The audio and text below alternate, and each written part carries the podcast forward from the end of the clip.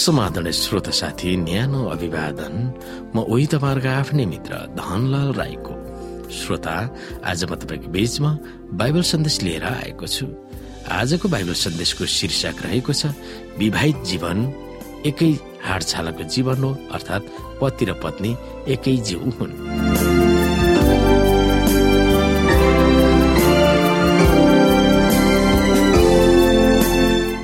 श्रोता उत्पत्ति दुई अध्यायको पन्ध्रदेखि पच्चिसको विवरणलाई अध्ययन गर्नुहोस्। पति र पत्नी एकै जिउ हुन् भनेर उच्चारण गर्नुभन्दा अघि कथामा पहिला के भएको पाइन्छ? हामी हेर्न सक्छौँ यहाँनिर पन्ध्रदेखि। परमप्रभु परमेश्वरले मानिसलाई लगेर अदनको बगैँचामा त्यसको गोडगाड र हेरचाह गर्न राख्नुभयो।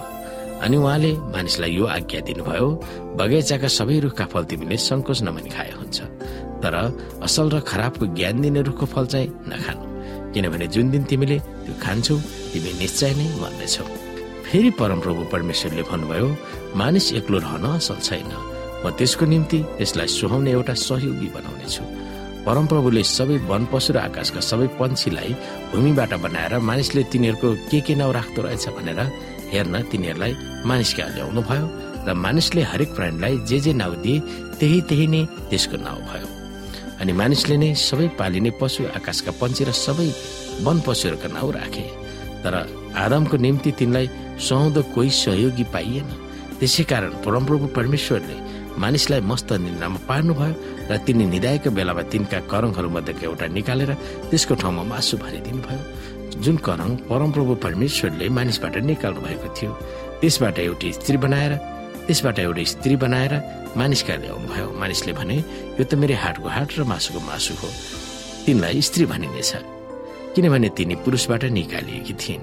त्यसै कारण मानिसले आफ्नो आमा बाबुलाई छोड्छ र आफ्नै पत्नीसँग मिलिरहन्छ र तिनीहरू एउटै शरीर हुन्छन्। मानिस र तिनकी पत्नी दुवै नाङ्गै थिए र लजाउँदैन पनि थिए।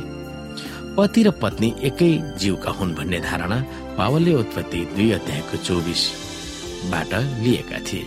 जब पावलले यस सृष्टिको कथामा ध्यान दिन्छन् तब इसाई इसाईहरूको बीच र स्वस्थ इसाई परिवारको निम्ति आवश्यक नीति एक जीव भन्ने धारणालाई आत्मसात गर्नुपर्छ भन्ने उनको राय छ।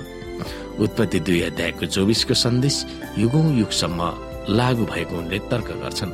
वैवाहिक सम्बन्ध एक जीव भन्ने परमेश्वरको संरचना हो। पति र पत्नीको बीचमा यौन सम्पर्कद्वारा भावनात्मक आत्मिक र शारीरिक एकतामा तिनीहरू रहन्छन्। यो पनि सोच्नुहोस् कि पावरले उत्पत्ति दुई अध्यायको चौध पदलाई पाप आउनुभन्दा अघिको चुन्दछन्। यही पद इसाई पति र पत्नीहरूको बीचमा यसुमा भक्तिभाव राखेर सम्बन्ध हुनुपर्छ भनेर पावरले प्रयोग गर्दछन्। यस पतित संसारमा पुरुष र स्त्री बीचमा यौन सम्बन्ध कतिपय समयमा काम वासना तृप्त गर्ने र पुरुषले यौन शोषण गर्ने संस्कारले यो संसार चलिरहेको छ। पत्नी पतिको यौन क्रीडा स्थल मात्र हो भन्ने प्रविधि कतिपय मानिसहरूमा हुन्छ।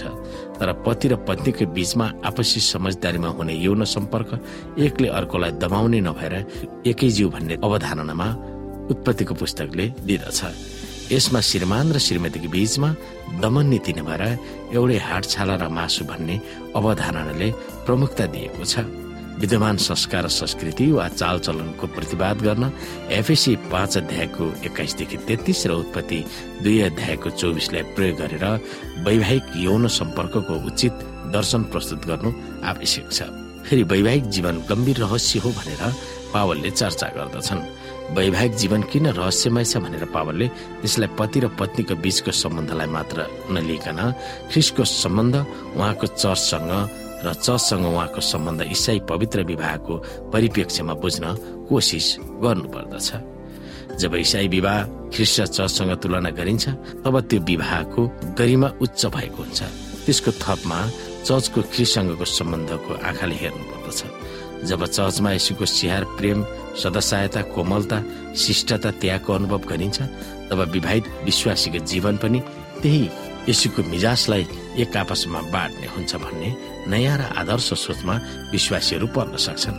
अन्तिममा श्रोता एफएसी पाँच अध्यायको एक्काइसदेखि तेत्तिसको सारांश एफएसी पाँच अध्यायको तेत्तिस हो भनेर पावलको सल्लाह कुन तरिकाहरूले मान्नु पर्दछ तपाईँ हाम्रो वैवाहिक जीवन ती नीतिहरू पुरा लागू गर्न कसरी प्रयास गर्न खोज्न सकिन्छ त्यो कुरामा हामी विचार गर्नुपर्दछ।